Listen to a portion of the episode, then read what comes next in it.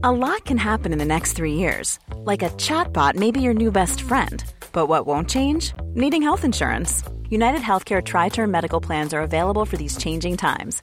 Underwritten by Golden Rule Insurance Company, they offer budget friendly, flexible coverage for people who are in between jobs or missed open enrollment. The plans last nearly three years in some states, with access to a nationwide network of doctors and hospitals. So, for whatever tomorrow brings, United Healthcare Tri Term Medical Plans may be for you. Learn more at uh1.com.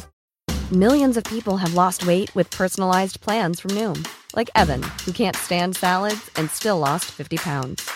Salads, generally, for most people, are the easy button, right? For me, that wasn't an option.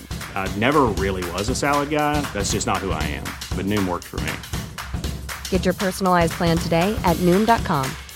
Real Noom user compensated to provide their story. In four weeks, the typical Noom user can expect to lose one to two pounds per week. Individual results may vary. There's never been a faster or easier way to start your weight loss journey than with PlushCare. PlushCare accepts most insurance plans and gives you online access to board-certified physicians who can prescribe FDA-approved weight loss medications like Wigovi and Zepbound for those who qualify. Take charge of your health and speak with a board-certified physician about a weight loss plan that's right for you. Get started today at plushcare.com slash weight loss. That's plushcare.com slash weight loss. plushcare.com slash weight loss.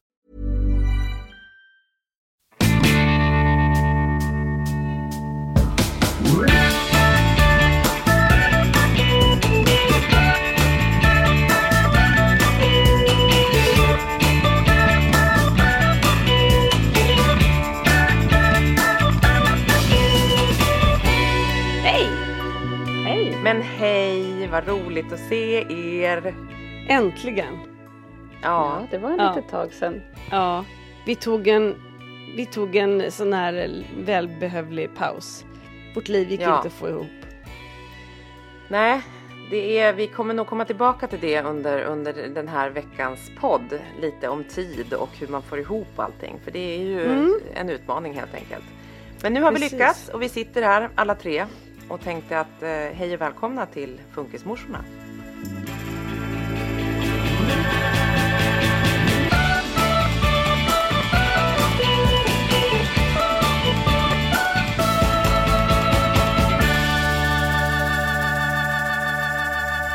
Jag måste ju bara säga det att vi, vi, liksom, vi kämpar för att få ihop hit och dit. Och så när vi sitter här och jag ser er, jag blir så jävla glad. Ja, jag Det vet. är ju det. Det är ju det. Det att är- När vi väl liksom sitter här. Ja, och det är varje vecka så är det så här, åh den här kan ni då, nej så kan, det är liksom, det är nog svårt att få ihop när man själv ska lyckas göra olika saker, kanske ha något barn eller något, bara sitt eget liv ibland. Och så är vi tre ganska upptagna mammor som både jobbar och ska försöka styra familjeliv och få till den här podden och alla ska kunna samtidigt. Det är inte helt lätt alltid. Och en liten detalj till Petra. Alla ska Ja. kunna samtidigt men vi ska också kunna sitta lite lugnt och tyst. Och hur ofta är det Ja, ja, ja. lugnt Lilla och tyst detaljen. i våra liv? Nej men alltså det är Aldrig. så olugnt och otyst i våra Ja. liv. För annars är man ju så här, funkis- ja, man, man blir också som funkisförälder expert på att liksom balansera och ratta nio grejer samtidigt.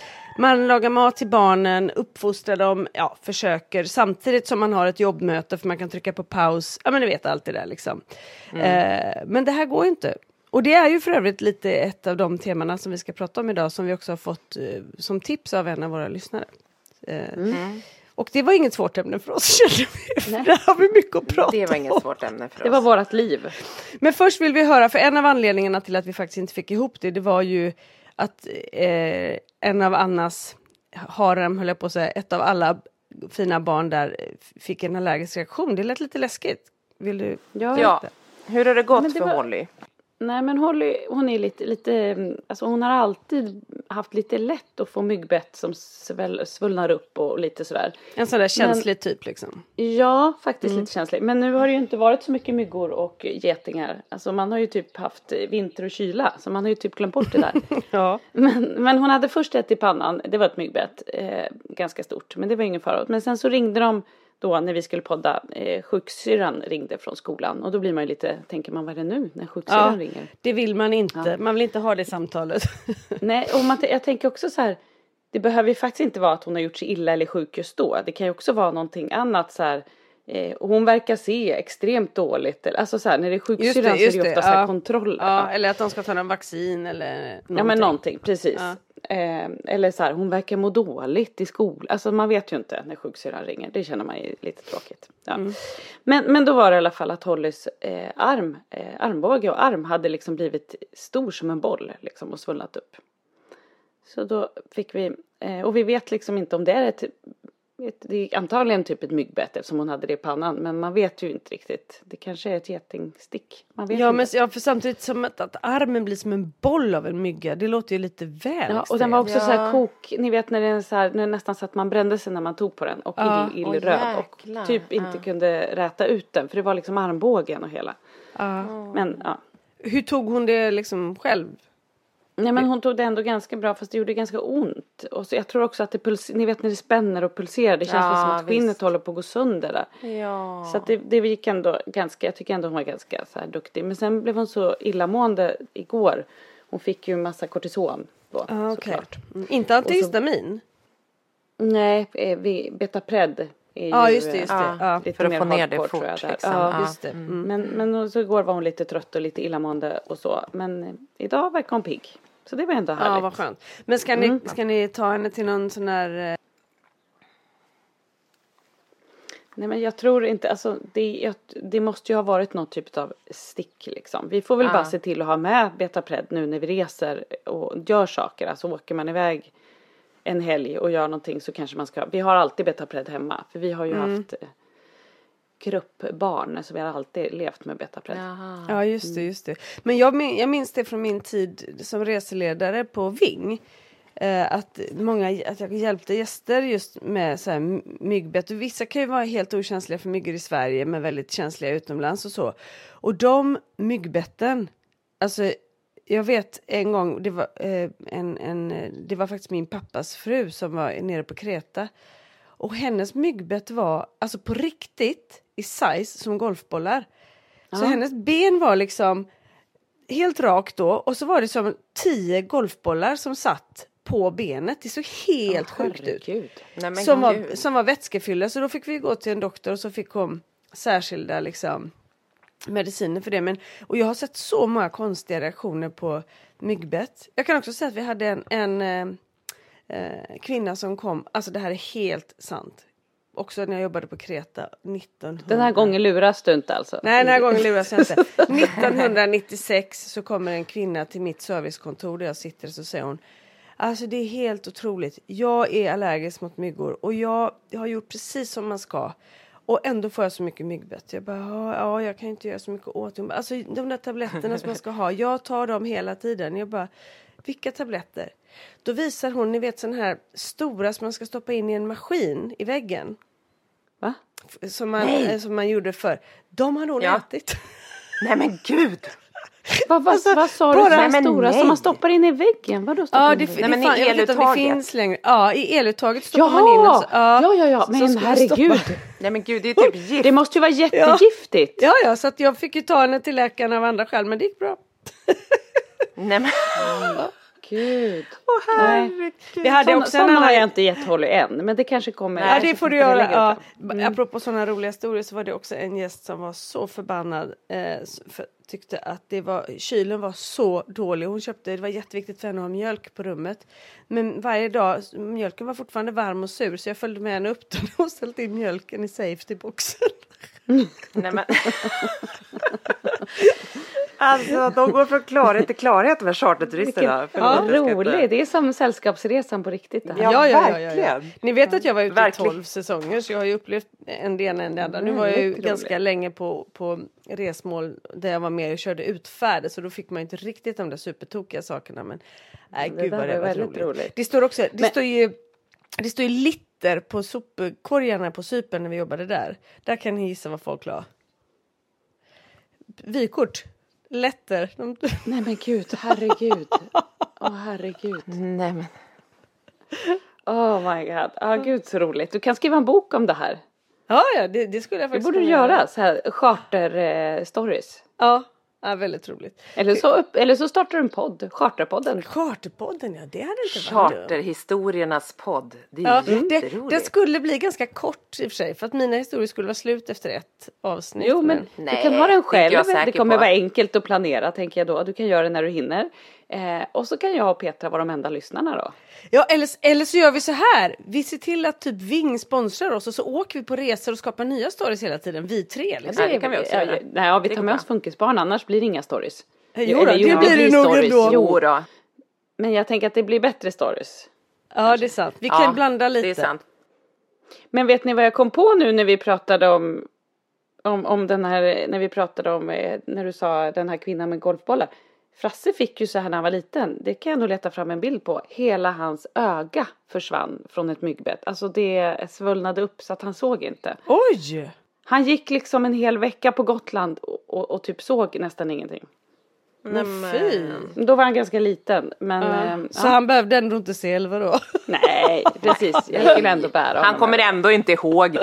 Det är såna här minnen ni vet som ändå inte betyder något. Det sjuka är ju att han har ju inte mitt guldfiskminne så han kommer säkert ihåg det här. Det Ja, jag det är ju då det. inte kommer ihåg. Visa inte va- bilden för Frasse. Vad är det med våra barn och minne? Kan vi prata om det bara en liten kort sekund? Jag upplever, mina barn de kan inte komma ihåg vad folk heter.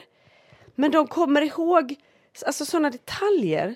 Så att det är, he- alltså, det är helt sanslöst. Ja, Men det var när, på julen när den människan var hemma och Ja. du hade på dig det och så kom den förbi. Och så, eh, du vet, jag blir så här, men hur kan de komma ihåg? Alltså, upplever ni Ja. också det att de har Ja selektiva? men de har ju väldigt, ja men de är selektivt och väldigt, både, jag vet inte om man kallar det selektivt för det är väl liksom, men, men det där var ju jättemycket, alltså just med så här, det är väl den ojämna, både så inlärning, att man så här, saker som man inte kan komma ihåg som, som när Svante där pratade om förr, att han inte kunde lära sig grundfärgerna gul, blå, röd och grön. Just men han det, kunde ja. jättemånga dinosaurier och det är ju liksom intresset, att man har ett intresse Mm. av något. Men som du säger, de här sakerna de hakar tag i att så här, men gud, det var den där äh, den röda båten vi såg när vi åkte. Man bara, vi åker båt varje dag. Man är så här, hur kunde du? Okej, då är det något som bara fastnat i minnet. Ja, det där är väldigt spännande. Jag vet Man skulle inte vilja hoppa in på. i hjärnan och se hur den Ja, Jag tycker det känns som att, att Frans har liksom ett kartotek i sin hjärna som han bara letar fram så här årtal och så letar han fram saker Ja. och så, så är det som en, jag tror att han ser mycket i bilder, det känns I ju så. bilder, för att han kan verkligen absolut, säga absolut. liksom, Och det här är intressant. Dels måste jag bara fråga Anna, kan du se skillnad, i och med, i och med att jag inte har några normalstörda barn, kan du se skillnad just i minne på liksom, och du också Petra, att, det, att, Mm. att, att de funkar lite olika mot de andra barnen? I det? Ja, fast jag, alltså så här, min äldsta, Mm. han har också ett sinnessjukt minne. Han kan ju liksom minnas saker så här. Åh, jag minns på dagisavslutningen då när du hade så crazy byxor på dig. Eller liksom, han, han har också ett sinne. Och det sa de redan på, på då när han gick på, på förskolan att så här. Åh, han har sånt minne. Alltså han har nog haft ett sånt. Ja okej, så det kanske Vi är- kallade ja. honom, när han var liten så sa vi Rain Man till honom Mm, för att han hade sånt minne. Eh, och, och sen Frasse har ju tagit det här då ett steg längre för Frasse är ju då med år och allting. Så att, mm, så att Alltså- Frasse, alltså så här, det går inte riktigt att jämföra, Frasse är ju liksom snäppet eh, vassare måste jag ändå Ja, säga. mm, Men, ja. men jag märker att det finns lite ojämnt eh, utav mina barn. Vissa Ja, men så verkar kan komma det ihåg vara. mer. Ja, ja. det kan man ju se Nej, men på jag, oss också. jag, men... ja. Nej, jag men tror det här med detaljer att- och det kanske är lite mer eh, Ja men och det kanske är liksom, det är olika. Polly har också väldigt mycket detaljminne och Polly har ju likheter med Svante på många sätt i vissa saker. Men hon, hon minns jättebra olika små detaljer fortfarande också. Det kan väl också vara Barn gör väl kanske också det. Jag menar våra hjärnor är väl så överbelastade. Det är liksom fullt i hårddisken så det går inte att liksom minnas de här vissa små grejer kanske. Men däremot så har de kanske ett renare sinne. De kanske har Ja. liksom sorterar saker eh, renare än vad vi gör. Jag vet inte. Men Polly, jag, båda mina barn har faktiskt ganska många bra så här, detaljminnen. Men jag tror precis som du säger Anna med de här bild. Svante har ju alltid sett jättemycket i bilder och det är liksom så man har liksom fått lära honom saker med bild och därför är bildstöd och sånt så viktigt liksom att så här mer än att så här, berätta och om man berättar något och han ska komma ihåg så kommer han inte ihåg. Men däremot om han har sett det och man berättar så, så, så stärks ju det jättemycket liksom. Men för det här, det här sa nämligen eh, en tjej som hon som jag har ridit hos på Rindö som ju är utbildad på just barn med ja, på spektrat och sådär och, och alltså ridterapi är det ju som hon håller på med.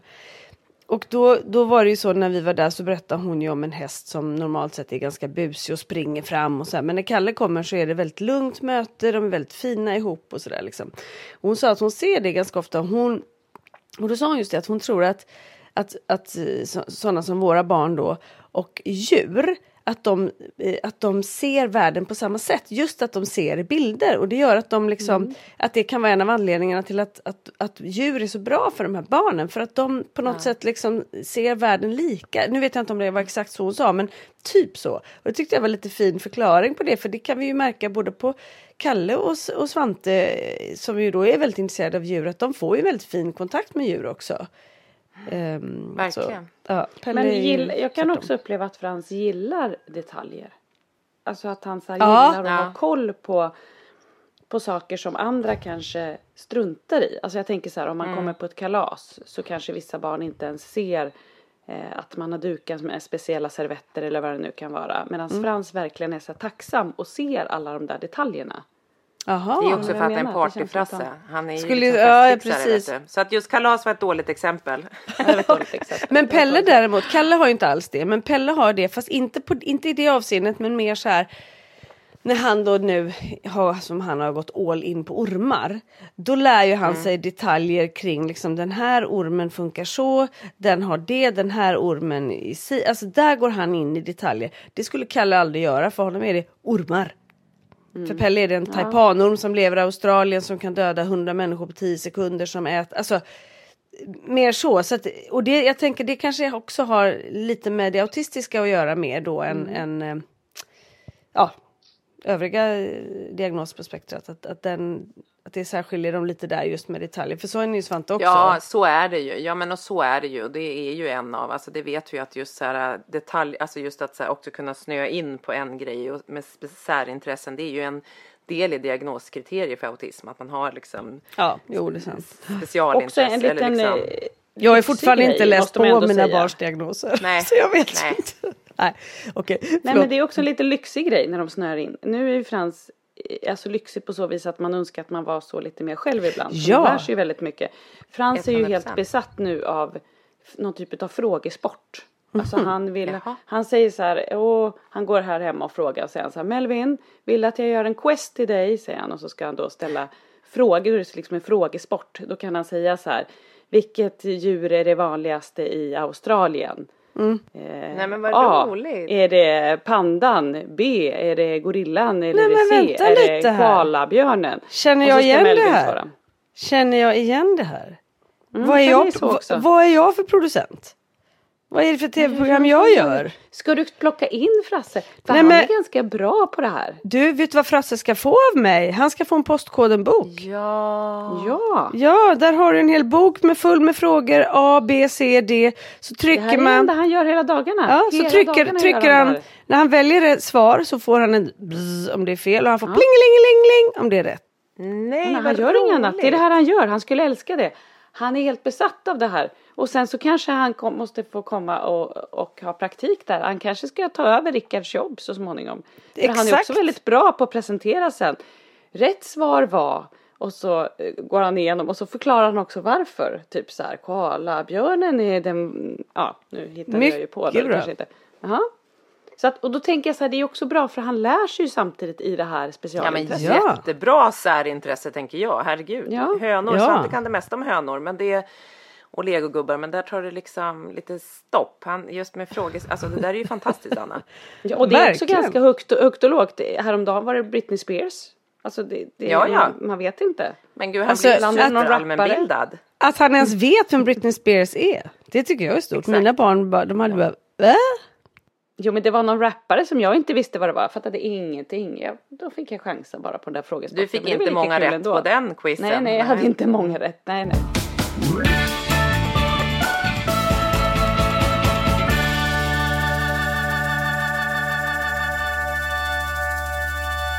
Men du Anna, du nämnde faktiskt, du nämnde att du kallade Melvin för, eh, för Rainman när han var liten. Ja, och nu när du pratar om, om, jag ska inte dra paralleller till Rainman, men däremot så var ju jag och såg den teatern, Rainman. Har vi pratat om det? Nej. Ja, Inte jag hade minns här i alla fall. skulle ha sett det men hade jobb så att jag kunde inte gå. Jag är jätteledsen för det. Nej. Det var bra va?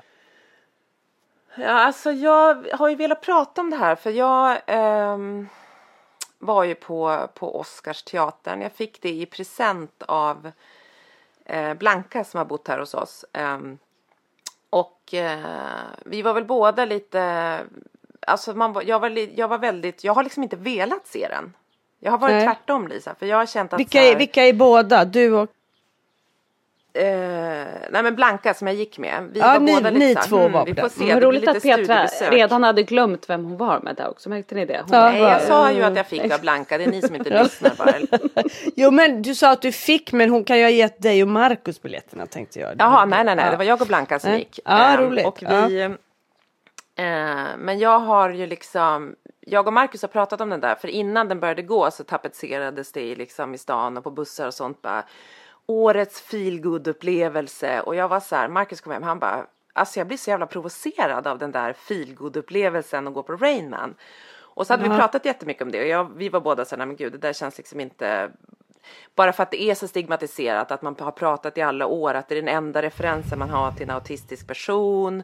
Och det är ändå liksom en film som gjordes på 80-talet eller när den gjordes liksom att så här, att, att det är liksom, vi har ju kommit långt sedan dess. Så att jag var så här, nej men där Robert Gustafsson ska spela liksom en autistisk man. Jag kände bara så här, nej tack. Nej jag fattar. Jag, jag, Mm. ja, det är ju den initiala känslan man får. Som, Ja, som, som det var den skulle initiala känslan. Men jag tänkte så här, jag fick den av Blanka och eh, blev ju tacksam. tro. Mm, blev öppet sinne. öppet sinne tänkte jag, men ändå eh, pessimistisk. Mm. Väldigt, väldigt eh, reserverad. Men vi gick dit, vi käkade lite mat innan, var jättemysigt. Och, men jag sa till Blanka, jag bara, jag tycker att det här är, eh, jag vet inte, jag är inte helt tänd på den här presenten jag fått av dig. Men, eh, liksom, men, men nu gör vi det här. Och jag sa det, jag kanske får lite content till podden om inte annat. Så jag ser det här Mm. som ett studiebesök. Ja men det är bra. Jag tänker man kan uttrycka att det känns svårt. Det handlar ju om hur det känns inne i oss. Ja. Det är ju inte det att man är såhär, jag Ja. vill inte gå. Utan det är ju, Nej, nej, nej. man Nej, utsätter det är sig ju bara för hur det känns någonting. inom mig för att vara en autistmamma liksom. Eh, och det var väl eh, ganska mycket så när jag såg den också. Eller liksom de har ju gjort filmen eh, på teater bara rakt av så det är ju verkligen så här 80-tals. Det handlar ju om om Rain Man, alltså om, om det här barnet som som Raymond Jonas Karlsson spelar brorsan, Mm. ja, Raymond. Och ehm, som bor på en institution och så har han en bror vars den här normalstörda brorsan vet inte om att han har en bror och så dör pappan. Och så blir det arvet då som ska sinsemellan och den här Raymond ärver ju alla pengar. Och hur då den här normalstörda brorsan vill komma åt pengarna och liksom plockar ut sin brorsa från, från institutionen och gör massa saker. Det är det det handlar om. Um, och den, Um, men det var verkligen så här, Uh, det blir svårt. Jag tyckte så Jonas Karlsson var jättebriljant i sin roll. Eh, Robert Gustafsson var också liksom, han var ju lite Robert Gustafsson men ändå inte, han gjorde det också bra. Men det var liksom, jag satt ju med en klump i magen hela tiden och när folk skrattade åt Jag skulle ju säga det, skrattar man åt- i magen. Ja. Sen fanns det vissa delar som var liksom fina och när de, han lärde honom dansa och lite sånt där. Men det var, du vet, man bara, för mig blev det ändå så här, eh, det är Det blir det också 80-tal. att du ville liksom försvara lite och inte, när de andra satt och skrattade så kanske du känner så här fast att det blir Håll fel. käften ni ska bara veta hur det är egentligen. Det där är liksom på riktigt, det där är problem. Alltså du vet, de skrattar ju åt exakt. svårigheter blir honom. liksom, Liksom. Du vill ju liksom försvara och, och, och, nej men jag fattar, det blir lite knasigt det där. Skrattet fastnade i halsen. Man blir lite ledsen av att bilden, omvärldens bild av våra liksom ändå älskade barn Mm. ska vara den. Och att det ska vara liksom ett garv kring det. Ja men så blev det liksom så här att det ska vara underhållning. Nej men så jag, jag, eh, jag tror säkert att det kanske är lyssnare som har sett den eller som, som har samma känsla att man inte vill se den eller så. Så att det är väldigt liksom, nu har jag sett den, jag eh, skulle inte rekommendera den. Alltså Nej, jättebra nej. skådespelarinsatser, det var en bra liksom, så. Om man ser utifrån produktioner, som jag också jobbar med produktion, så tittar man ju på sånt. Men, men jag kände att ehm, Som, som Funkes mamma så, skratta, så fastnar skrattet i halsen. Snarare att det cementerade en roll Ja, men snarare också att det cementerade en roll av den här gamla idén om autister eller liksom hur det... Mm. Då tycker jag hellre man kan se Love on the Spectrum på Netflix. Och Ja, liksom, ja. Jag Där- hade ju lite den liksom- kä- känslan du pratade om när jag skulle se Det här din eh, jävla clown skojar du inte bort med Måns Möller. Ja, Jag var ju rädd för den, men den var ju genialisk. För han, Mm. Ja, han lyckas ju genialisk. beskriva sorgen, glädjen, oron. Alltså han har ju hela Ja. spektrat så att säga kring det. Som gör att den blir ju trovärdig och relevant. ja och han lever Men det är ju också här. svårt. Precis, det är ju skillnad för det är ju baserat på liksom hans verklig, alltså han Ja. vet ju hur det är. Ja, men det tycker man ju då om man ska göra Rain Man på teater 2022 så kanske det är det man ska göra. Man kanske ska göra sin hemläxa och sätta sig in i hur det är och, och Jag bredda också- den. Ja, jag hade tänkt att så här, man kunde faktiskt uppdatera den. Man kunde använda liksom grunderna på något vis från den här 80-talsfilmen kanske liksom. Men, men eh, uppdatera den på något sätt. Ja, för autism är inte idag vad autism var på 80-talet. Men Nej. många tror Nej, ju men det man fortfarande. visste väl inte då hur, hur, hur stort spektrat Nej. var. Men det Nej. sjuka i det här är att i veckan så pratade jag med en redaktör som jag jobbar med. Och så vet jag inte hur vi kom in på det här men vi kom in på att, att Frans då har autism. Eh, och då berättar han att han, han spelar teater också. Och att hans och hans teatergäng har i flera års tid spelat en teater. Nu skulle han skicka massa information och jag har ju inget minne så jag har ju redan glömt vad allt hette och allting. Men de har alltså en teater som de har satt upp som handlar om en familj där man får reda på att barnet då har autism. Och den resan, typ vårt svarta hål, har de satt upp en föreställning om. Sen har de också satt upp ett, eh, just nu så håller de på med en som heter Skuggsyskon. Som handlar då om Nähä. syskon kring ett barn. Ja, Ja. och de har, den här föreställningen säljer de så att det oftast då är det liksom eh, kanske kommuner och alltså det är liksom sådana som köper den. Här sitter en köpare av den. Ja, eh, Ja. Nej men jag har, jag, har, jag har köpt den. På riktigt, vi hade den Ja, på Anonymous när jag var i, i den. Ja. Det var bara att vi skulle haft den live och då var det corona så vi köpte den på nätet. Men jag har inte sett ja, den själv än för jag kunde Är det inte. Petter som du, för Petter känner du också väl? Nej, Alltså nu har, har vi det lilla guldfiskminnet även Ah, här så ja, det ja. minns ju inte jag men jag Men det var så fakturan. fint när han berättade det här för Petter själv har ju egna barn men, men liksom inga barn eh, inom eh, liksom spektrat eller några med svårigheter. Men han berättade också att långt innan han fick barn när han eh, höll på med teater då hade de också ett sommarläger som de har drivit hur många år som helst. Med barn då med olika svårigheter som fick komma och spela teater och vara på det här Ja, sommarlägret och så. Alltså det, var, det är så gud, sjukt när man börjar prata med någon. eller? Jo, det, alltså så här, jag, jag, jag ska göra min hemläxa och prata med Petter och få ordentlig information. Ja, det vore och så kul ska för ni oss få att höra se. om det här. Mm. Och det kan ju också vara några av våra lyssnare som kanske jobbar eh, på BUP, kommun eller och så vidare. Och där kan man ju verkligen tipsa om den här teatern för de gör ju också den här för, för, för företag. Så. Eh, det är ju det. lite utbildningssyfte. Folk tyckte det var jättebra från våran som såg den. Och vilken Men vet var du, det ni såg? Skuggsyskon. Skog, ja. Men, Gud, men eh, när du Det nämner läger. uppdrag Nu att ta reda på mer. Ja. Ja, och den, tänk om vi kunde, tänk om vi kunde ja, göra den till en funkismorse-event. Skitsamma. Nu, eh, Ja. apropå eh, läger, så ska jag bara säga innan vi ska gå in på veckans ämne. Så ska jag faktiskt åka ner i början på juli till ett läger i Falsterbo. Och göra en film för Autism Aspergerförbundet. Så jag ska få träffa, ett, eh, vara på ett läger där familjer är med barn med eh, upp till 18 år med autism och eh, eh, intellektuell funktionsnedsättning. Och så ska jag vara med en hel dag och göra en enminutsfilm eh, om detta. Och jag blev Nej, så men glad, gud. ja, för normalt sett så sätter jag ju mina andra som jag jobbar med på det. Men jag sa den här filmen vill jag göra själv för jag vill vara med och påverka hur, vad vi ska berätta och hur vi ska kunna Ja, liksom bra. lyfta kunskapen kring det. Så då ska jag vara med en hel dag när de barnen får träffa terapihundar, när de får simma eh, och när de får spela lite teater och kanske träffa ett en um, trollkarl och jag sa det är alltid väldigt roligt att se hur kul. autistiska barn reagerar när de träffar en trollkarl för de Ja. kommer ju bara, Ja. "Vad- nu såg jag att, ja. Nej men det ska bli jättekul så det ska jag göra i juli. Gud vad kul.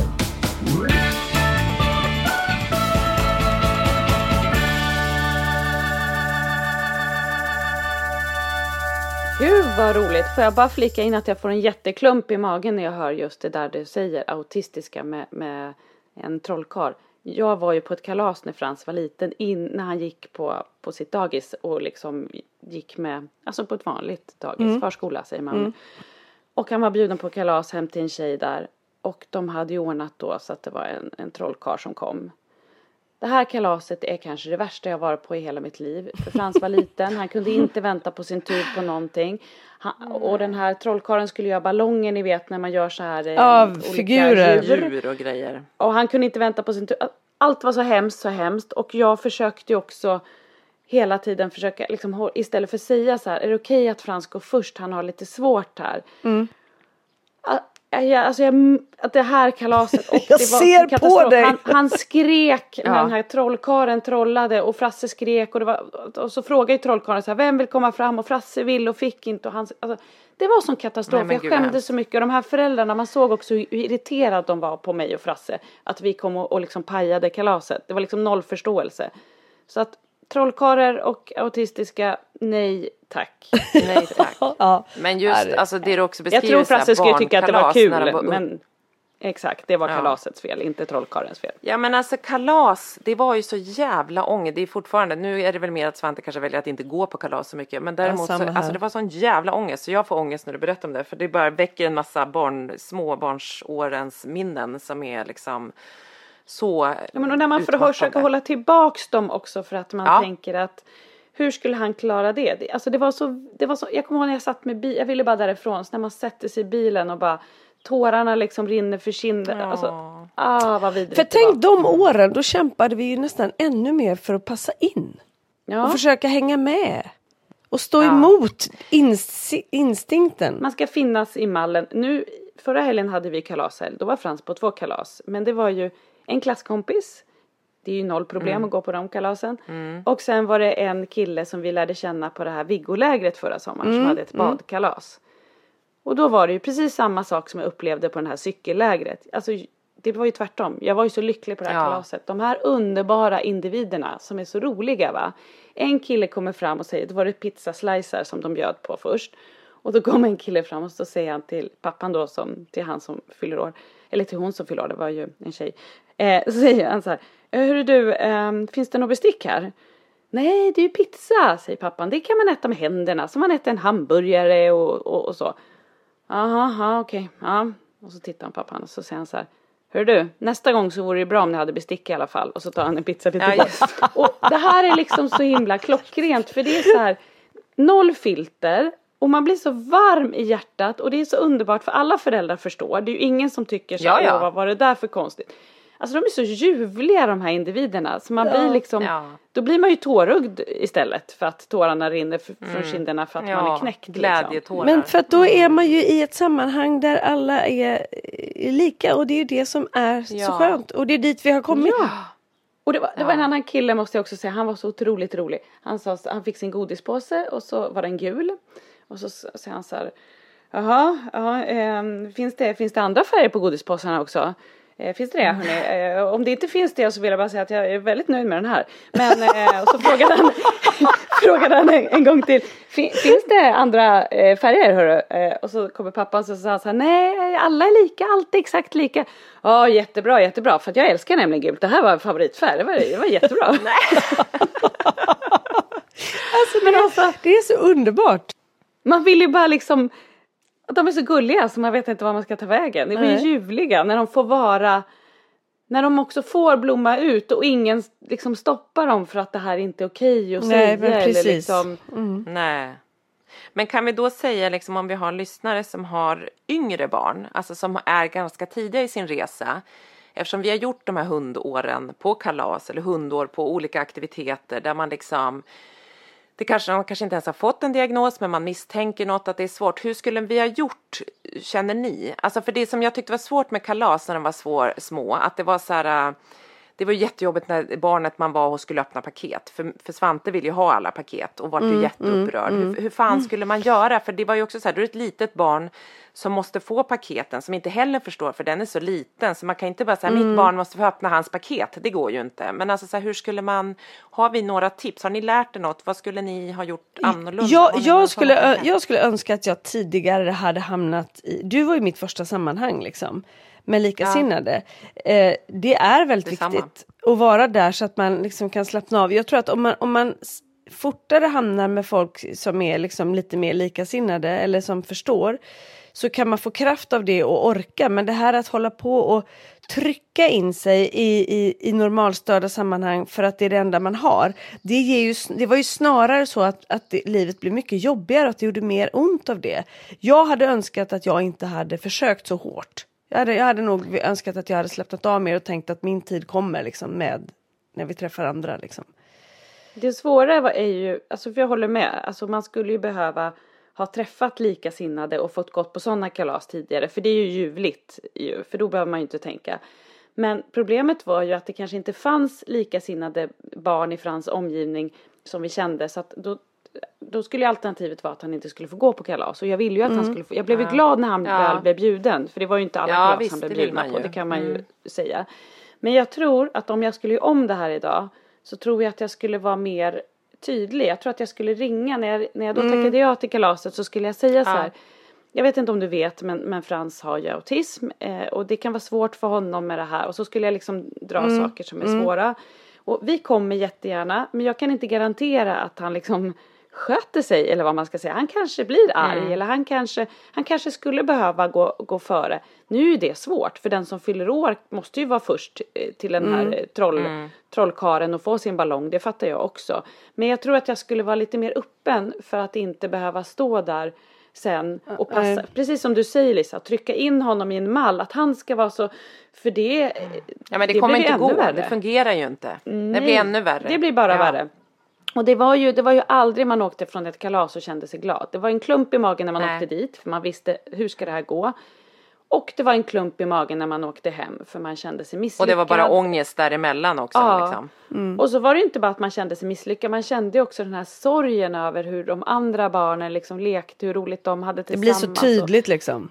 Ja, alltså. Oj vad det var jobbigt. Nej, man, man önskar ju att, att Frans fick liksom, att det fanns, jag önskade att, att typ BUP eller någon, när man får diagnosen, satte ihop en grupp med, med andra Ja. föräldrar och andra barn. För då skulle man kunna ha kalas redan där. Att man så här, Ja. det gäller ju att hitta en grupp, ett sammanhang. Man behöver inte gå på samma Ja. förskola för det liksom. Nej, Nej. verkligen. Men det är, en jättebra, det, det är ett jättebra tips tycker jag Anna. Och det kan vara svårt när man är nybliven funkisförälder och tycker att det känns lite jobbigt då kanske säga. Men det lättar nog för då har man också så här, då har man tagit sitt ansvar. Man, för då behöver man inte, för när man sitter där och känner sig jag förstör kalaset så, så har man ändå försökt. Och man har så här försökt förbereda. Sen kanske man träffar på eh, taskiga normalstörda föräldrar som, är, som liksom inte har någon förståelse men de har åtminstone gjort vad man kan från sitt håll och för sitt barn och för att liksom förklara situationen och liksom så träffar man då, ringer man då ett sådant samtal till exempel till en förälder på förskolan eller i det här kalaset då är det ju ganska stor chans att de säger så här, ja men vad kan vi göra för att underlätta, kan vi liksom, eller man kanske kan säga, nu har ju vi så mycket erfarenhet för att de är så stora nu så vi vet vad man kan göra för att underlätta, det är inte alltid man vet det när man är ny i funkislivet, men att så här, kanske att man kan liksom, eh, jag vet inte om det är så här, man kanske inte kan ta med ett paket i sitt eget barn, men, men att man har liksom Fast varför Ja men inte? kanske på något, jo exakt, kanske Och på något in sätt att man säger, okej eller att han liksom, också har ett ja. litet paket som han får öppna för annars kommer det bli krångligt. För det var just kring presenterna tyckte jag var det som var jättejobbigt för Svante. Mm. Eh, och stora sammanhang, men då får man ju bara hålla, gå undan lite och sådär. Men, men att man, jag tror att det är jättebra att ringa och säga så här, så här är det i vår familj. Och det kan, vi är jätte, jättetacksamma för den här inbjudan och vi är jätteglada och han vill jättegärna men det kan uppstå saker. Så jag vill bara berätta det och om det liksom och kanske också gå igenom så här, hur kommer kalaset lite vara för då kan jag också förbereda min, mitt barn bra. på vad som Verkligen. kommer hända verkligen och bra. så liksom. Så att de kan berätta lite, det kommer Det- vara en ja. piñata eller det kommer vara en trollkarl eller det kommer vara ballonger eller mycket presenter eller vi ska ha skattjakt eller vad fan det nu är. Det, det hade hjälpt mina barn. Är det, är det inte, jag kommer ihåg vi var på något kalas så var det inte tårta. De bjöd på typ glass istället. Alltså Ja. Frans bara, Ja, eh, nej. vart är tårta? Oj, oj. Alltså kalas i tårta. Alltså du vet det blev Ja. ju helt Ja, de men, har ju men andra visst är det ändå konstigt. Jag tänker så här, när man får barn då blir man ju kallad till sån här eh, mammagrupp med BVC och man ska träffa andra mammor och man Mm. ska sitta och prata där om sina barn och hej och hå. Varför är det inte lika? Det, det behövs ju ännu mer när man har fått ett barn då med en svårighet. Ja. Varför är det inte? Varför fixar man inte sådana grupper? Dels har ju vi ett behov av att prata med varandra för man, man hittar ju styrka i varandra eftersom man känner igen sig och, i olika saker och man kan hjälpa varandra och tips och sådär. Och sen så tror jag också för barnen, varför gör man inte så? Det är ju helt konstigt. Ja, jag håller med. Jag tror också att den här världen är fortfarande, det här, den här liksom, det stora, att det är så många är fortfarande ganska nytt. Det känns ju som att HUB och alltså, alltså den här ställen, LSS och alltihopa, de, de omformateras hela tiden för att försöka hänga med. Och där tror jag de ligger efter. Det måste ju komma. Det måste ju bli Ja, så. Det- måste, alltså- alltså, det är ju konstigt att det inte är så att man inte får träffa eh, att, alltså, det är ju som en stödgrupp eller vad ska man säga? ja. Så att, eh, man behöver ju det för att eh, för man får så här, du får din diagnos och får en bunt med papper vart du kan vända dig till Autismförbundet, du kan gå på autismcenter, hej och hå. Men inget konkret så här, Jag fick gå till en terapeut. Den terapeuten hade ju ingen erfarenhet av sånt här själv. Vad, vad, vad kunde den men- hjälpa mig med? Absolut ingenting. Gud. Det, nej men det är ju bara sam, sam, liksom, eh, gruppkänslan eller vad man ska säga. Det är ju det som hjälper en. Det Ja, finns ju inget för annat som barnens hjälper. skull, att, att man hjälper dem tidigt, att de kan få hitta likasinnade där de hamnar i sammanhang där de också är accepterade för den de är och inte ska passa in. Men jag tänker också på det där med kalas och när vi pratar om att ringa och sådär. Jag tror att jag också i det, när det var så tidigt, att att det var ju, då, liksom, det var, man var ju mitt i bearbetningen själv utav diagnosen. Ja. Så jag tror inte heller man egentligen var så himla uppe. Alltså det var lite så här. Nej, det är det precis. Det var ju ingen hemlighet. Nej, men det är därför jag tänker så här, vad kan vi ge för råd? För man vet hur mycket ångest det var, man kanske inte ville berätta eller man hade massa olika stigman i huvudet själv. Men, men om ni pallar, ni nyblivna funkisföräldrar, så, så liksom försök att bara så här, vara öppna och liksom, och ni är här och lyssnar på den här Och podden. så jag skäms inte ni, över det. Nej, Tvärtom. För så kan jag känna att man kunde känna att man ville liksom att det här, nej men det skulle inte vara så, så annorlunda eller så farligt eller det här skulle ordna sig eller alltså att man var mer liksom öppen, så här är det, så här har vi, alltså det tror jag man vinner på egentligen, att vara mer Ja, och, och verkligen, verkligen försök att hitta någon som förstår dig och prata med. För då Ja. tror jag också att stigmat, alltså det är ju så här en klyscha men den där bördan, bär den själv, får man bara dela med någon så blir den hälften så tung liksom. Det är Ja. faktiskt så. Ja. Eh, Lycka till säger vi till alla. Ja, precis. Lycka till. Ring Mm, lycka oss. till. Ring oss. ha så kul på kalasen och lycka till.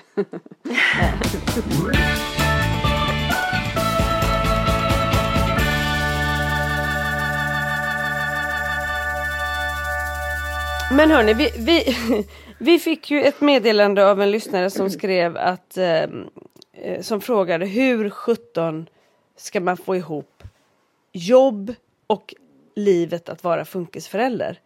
Jag kommer inte Ja. ihåg om hon var på väg ut skulle söka nytt jobb eller, eller vad det var. Nej, hon skulle börja ett nytt jobb, men vi har fått det här, den här frågan faktiskt genom alla år. Vi har poddat då och då. Så här, hur gör ni? Jobbar ni heltid? Hur får man ihop ett heltidsarbete och funkisförälder? Hur, jag är så nervös nu inför att jag ska gå upp i tid nu inför hösten eller efter sommaren och jag ska liksom, hur får man ihop livet? Och det är en sån bra frågan fråga. så här- ja, det är en jättebra fråga för det här tampas ju vi med varje dag skulle jag säga. Och då är vi vi tre som är ganska fria.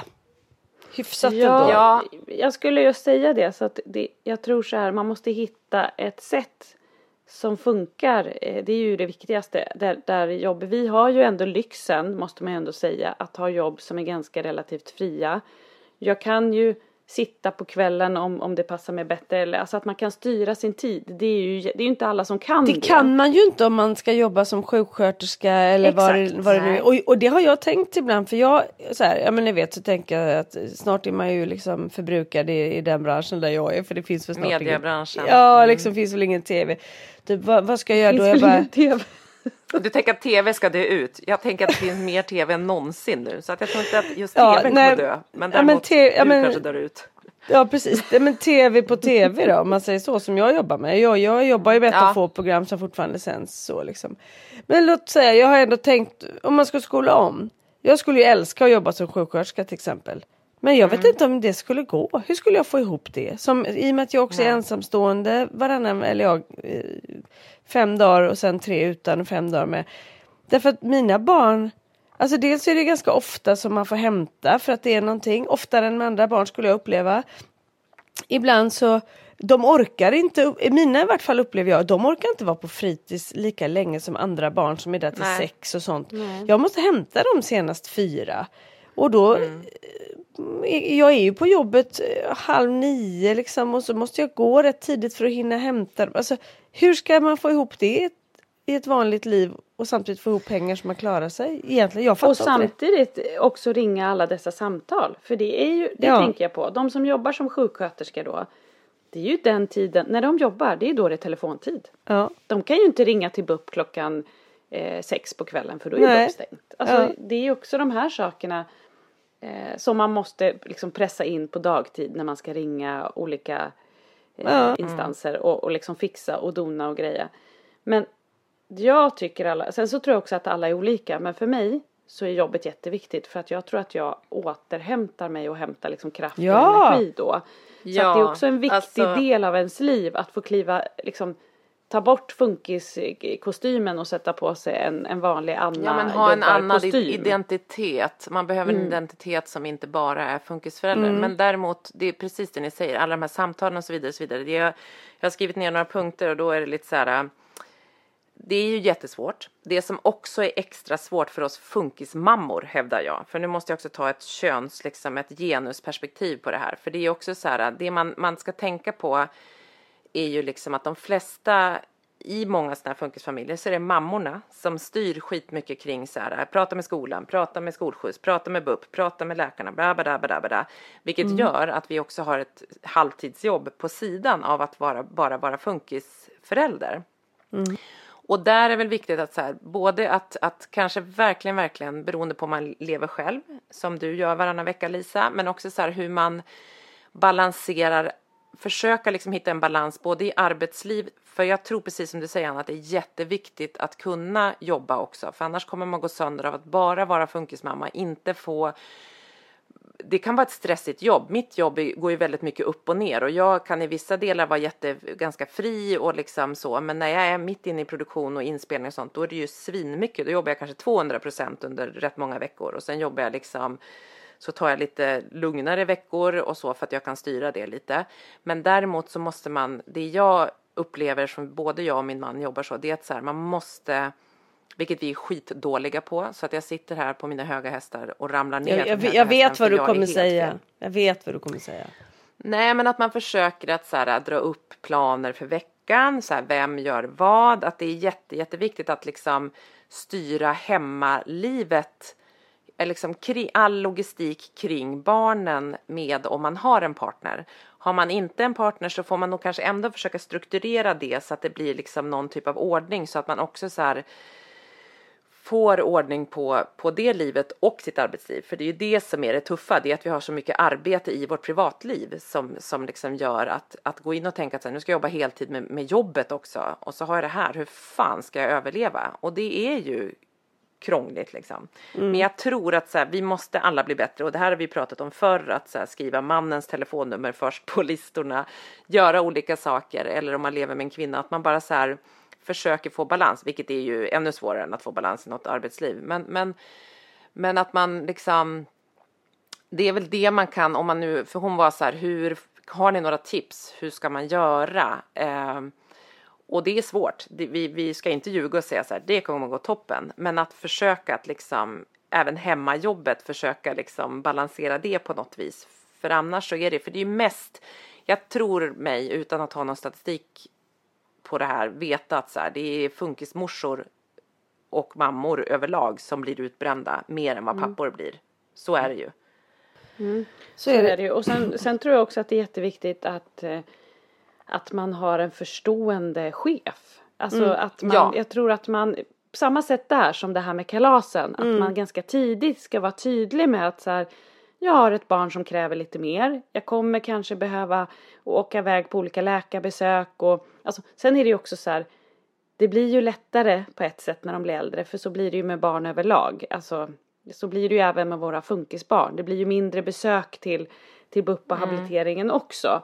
Mm, Och Ja. det kan också vara intensivare i perioder. Det där är ju så olika. Men jag tror att man ska vara ganska öppen med att man kommer behöva göra sådana här saker lite mer. Så att man inte behöver ha den stressen också över att så här, åh nu tycker de inte att jag levererar, nu tycker arbetsgivaren att jag är borta mycket. Utan att man kör med öppna kort från början tror jag är ganska viktigt. Ja. Det var, på min lista hade jag två saker. Det var verkligen en av de viktigaste. Och inte bara med sina arbetsgivare utan även med sina kollegor. Att vara helt öppen med att så här ser mitt liv ut. Och som du sa innan Anna, inte skämmas för det. Så här ser det ut, ibland måste jag dra iväg, ibland måste jag göra si, ibland måste jag göra så. Jag tar mitt ansvar, kan jag hjälpa er, kan jag göra liksom någonting när det ser bättre ut. Eller om man har ett jobb som, där man kan så här, jobba i kapp någonting på kvällen eller så. Sen ska man ju inte ta på sig för mycket så att man måste sitta och jobba hela kvällen. Men om det är något särskilt. Men sen har jag en sak till. För när jag satt och tänkte på det här, vad är viktigt? Och då tänkte jag, något som jag har gjort och som jag vill göra ännu mer. Det är att knyta andra personer till barnen som är nära för dem. Så man kan be om hjälp. Ja, Och det är viktigt att våga göra det. Det kan vara ungdomar. De är sjukt duktiga på att ta ansvar också idag. Och de behöver inte vara så gamla. Men som faktiskt kan hjälpa till att hämta på en skola. Vara hemma hos en några timmar. eller vad det än är. Alltså det är att ge sig själv frihet. Och om man tror att ens barn, bara för att de har diagnoser, inte kan knyta an till andra eller att man inte vågar någon annan låta vara nära dem. Försök att jobba på det. Försök att låta andra komma nära, visa att de kan ta ansvar, få ett band med ditt barn så att du kan be om hjälp.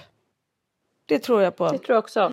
Och att, så att man kan jobba, för att jag tror som sagt att det är återhämtning, hur konstigt det än låter. Ja, så tror jag att det 100 procent. Jag kan ju ha sinnessjukt mycket på mitt jobb och man kan ju typ nästan bli utbränd av jobbet också utan att man har funkisbarn.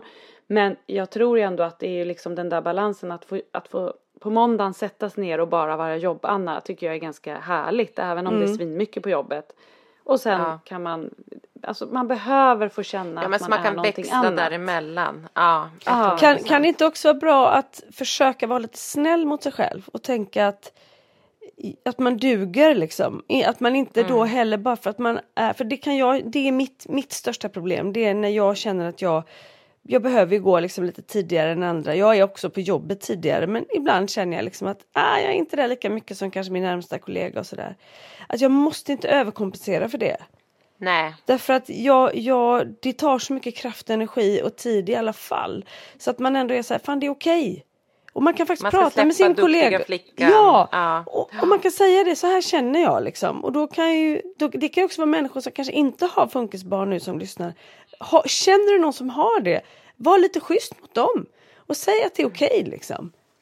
Du Mm. måste inte överbevisa, du måste inte överkompensera. Det är okej att du sätter dig ner och inte gör så mycket. Eller whatever liksom. Mm. Ja, Men så, sen är det också så att det, det du liksom missar kanske då för att du går tidigare eller så. Då kan jag tänka mig att du är så fruktansvärt ek- effektiv när du väl jobbar. Ja, men det att är det ju. liksom, Det har du betat av för länge sedan egentligen. Så att det där dåliga samvetet kanske du bara ska släppa för att du vet att du ändå. Jag tror man måste bli bättre på att Men känna det är att svårt. nej, men jag, det är skitsvårt, så känner man räcker ju aldrig till.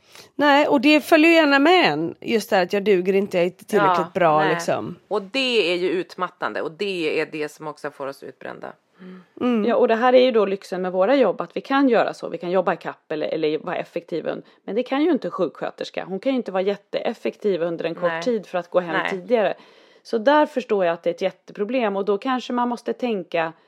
Då måste man nog vara, vara liksom så här sann mot sig själv och bara klarar jag att jobba heltid eller kommer det bli för stressigt? Kommer jag må dåligt då för att jag måste stressa hem eller alltså, då kanske man måste gå ner i tid istället tänker jag. Ja, och, sa- och samtidigt tänker jag så här, men vad härligt att ha ett sånt jobb och så jobbar du när du jobbar, du kan inte sätta dig på kvällen och börja jobba. Nej. Det kan Och också du vara behöver bra. inte tänka något mer Nej, eh, nej. på jobbet. Nej, det är Lite. Nej så. men och det kan också vara så här det du är inne på Lisa att man istället tar hjälp. Alltså så här, för det är också, man kanske behöver gå ner i tid men, men det kan ju också vara att så här, hittar man balans med att dela upp mellan föräldrar så är det väldigt viktigt att man är tydlig mot sin partner eller mot sitt att så här, det är viktigt att ha det här arbetslivet. Vänta Svante. Det är att och också som du sa Lisa att så här, ta hjälp för det kanske är viktigare då även om det kostar lite att ha någon som hjälper till eller så så kanske det är viktigt att få kunna jobba för det går inte att göra så för att kunna liksom få känna att man faktiskt är någon annan person att det ger en kraft. Och det måste inte vara så dyrt. Det är det jag menar om man har lite yngre. För de kan vara jättebra. De bara är hem, hemma med dem och myser och liksom ett par timmar. Det behöver inte kosta så mycket. För det tror jag kan vara en press också att just, ja men jag har inte råd. Ja, absolut. Det kan väl verkligen vara en, en press. Och det kan ju vara vänners ungdomar där man kanske inte heller, där de kanske vill ställa alltså, Ja, verkligen. Jo, men absolut. Ja, men det, jag tycker att vi ändå har lyckats ge några tips. Och jag har... Ja. Min son har kommit in här i poddstudion och han Ja. försöker stänga av er hela tiden här nu. Jaha, hej, Svante. Är ute? Hej säger, hej säger Lisa till dig Svante och Anna. Det är så roligt. Hej Svante. Det är så roligt att man bara sett en rutig ja man ser inte honom, man ser bara en arm. bara. Ja. De ser bara din skjortärm säger de. Han hör inte. Man bara, vem är mannen som sitter bredvid Petra? Ja, det sitter en, han börjar ju också vara som en man för han är så lång. Han är nästan lika lång som mig nu. Kan du vinkla kameran så vi ser honom en gång? Äh, Svante Buse! Svante. Hej! Hej säger de till dig. Ja, han men han har nu släppt ut hönor i snart en timme och håller på här och stått utanför dörren och varit jätteduktig. Så nu så ska den här funkismorsan som är ensam har varit ensam hela veckan. Vi har haft en jättefin vecka vill jag dock säga när min man har varit borta. Det har varit jätte, faktiskt mysigt. Jag har tagit mina vad happy härligt. pills och det har varit harmoni här hemma. Så det har gått Åh, jättebra. Grattis! Men, och när kommer han hem undrar jag? För det är då du kommer Ja, krascha. han kommer då, ikväll. Så Ja, måndag då till lördag. kanske. Nej då, det, ja. Nej. Då får du sova hela dagen imorgon Petra. Jag sover hela dagen imorgon. Hörni, jag eh, måste... Jag håller Ja, i hans såklart. armar här så han inte stänger av Ja, våran podd. jag ser Men det. tack alla ni som har lyssnat. Vi hörs om en Ja, vecka igen. Säger vi så? gör vi. Jag, Eller ville du jag säga måste något, bara Lisa? slänga in en grej och det är att tröjorna Ja. är på väg. De är Ja, på väg. är de? Det, ja, de är, det, det, de är på väg. Jag har betalt fakturan, allt är liksom, de är verkligen, Ja, sett en vi får hetsa på på att de dem. är på väg. De måste Ja, komma nu innan kommer de. semestern. Innan midsommar måste de ha Precis. sina. För alla ska vara midsommarfina i sina... Sluta Svante, i sina tröjor. Ja. Ja, så fort de kommer då kommer ni två hit och då packas det paket. Så blir det. Ja. Det Superbra. blir perfekt. Hörni, puss och kram på er. Puss och, att kram. Heja lyssnat. Svante där bak. Ja, puss, Ja, puss. heja Svante. Nu ska vi gå ut Svante och kolla hur det går för chili. Ja. Ja, puss och kram. Hej då.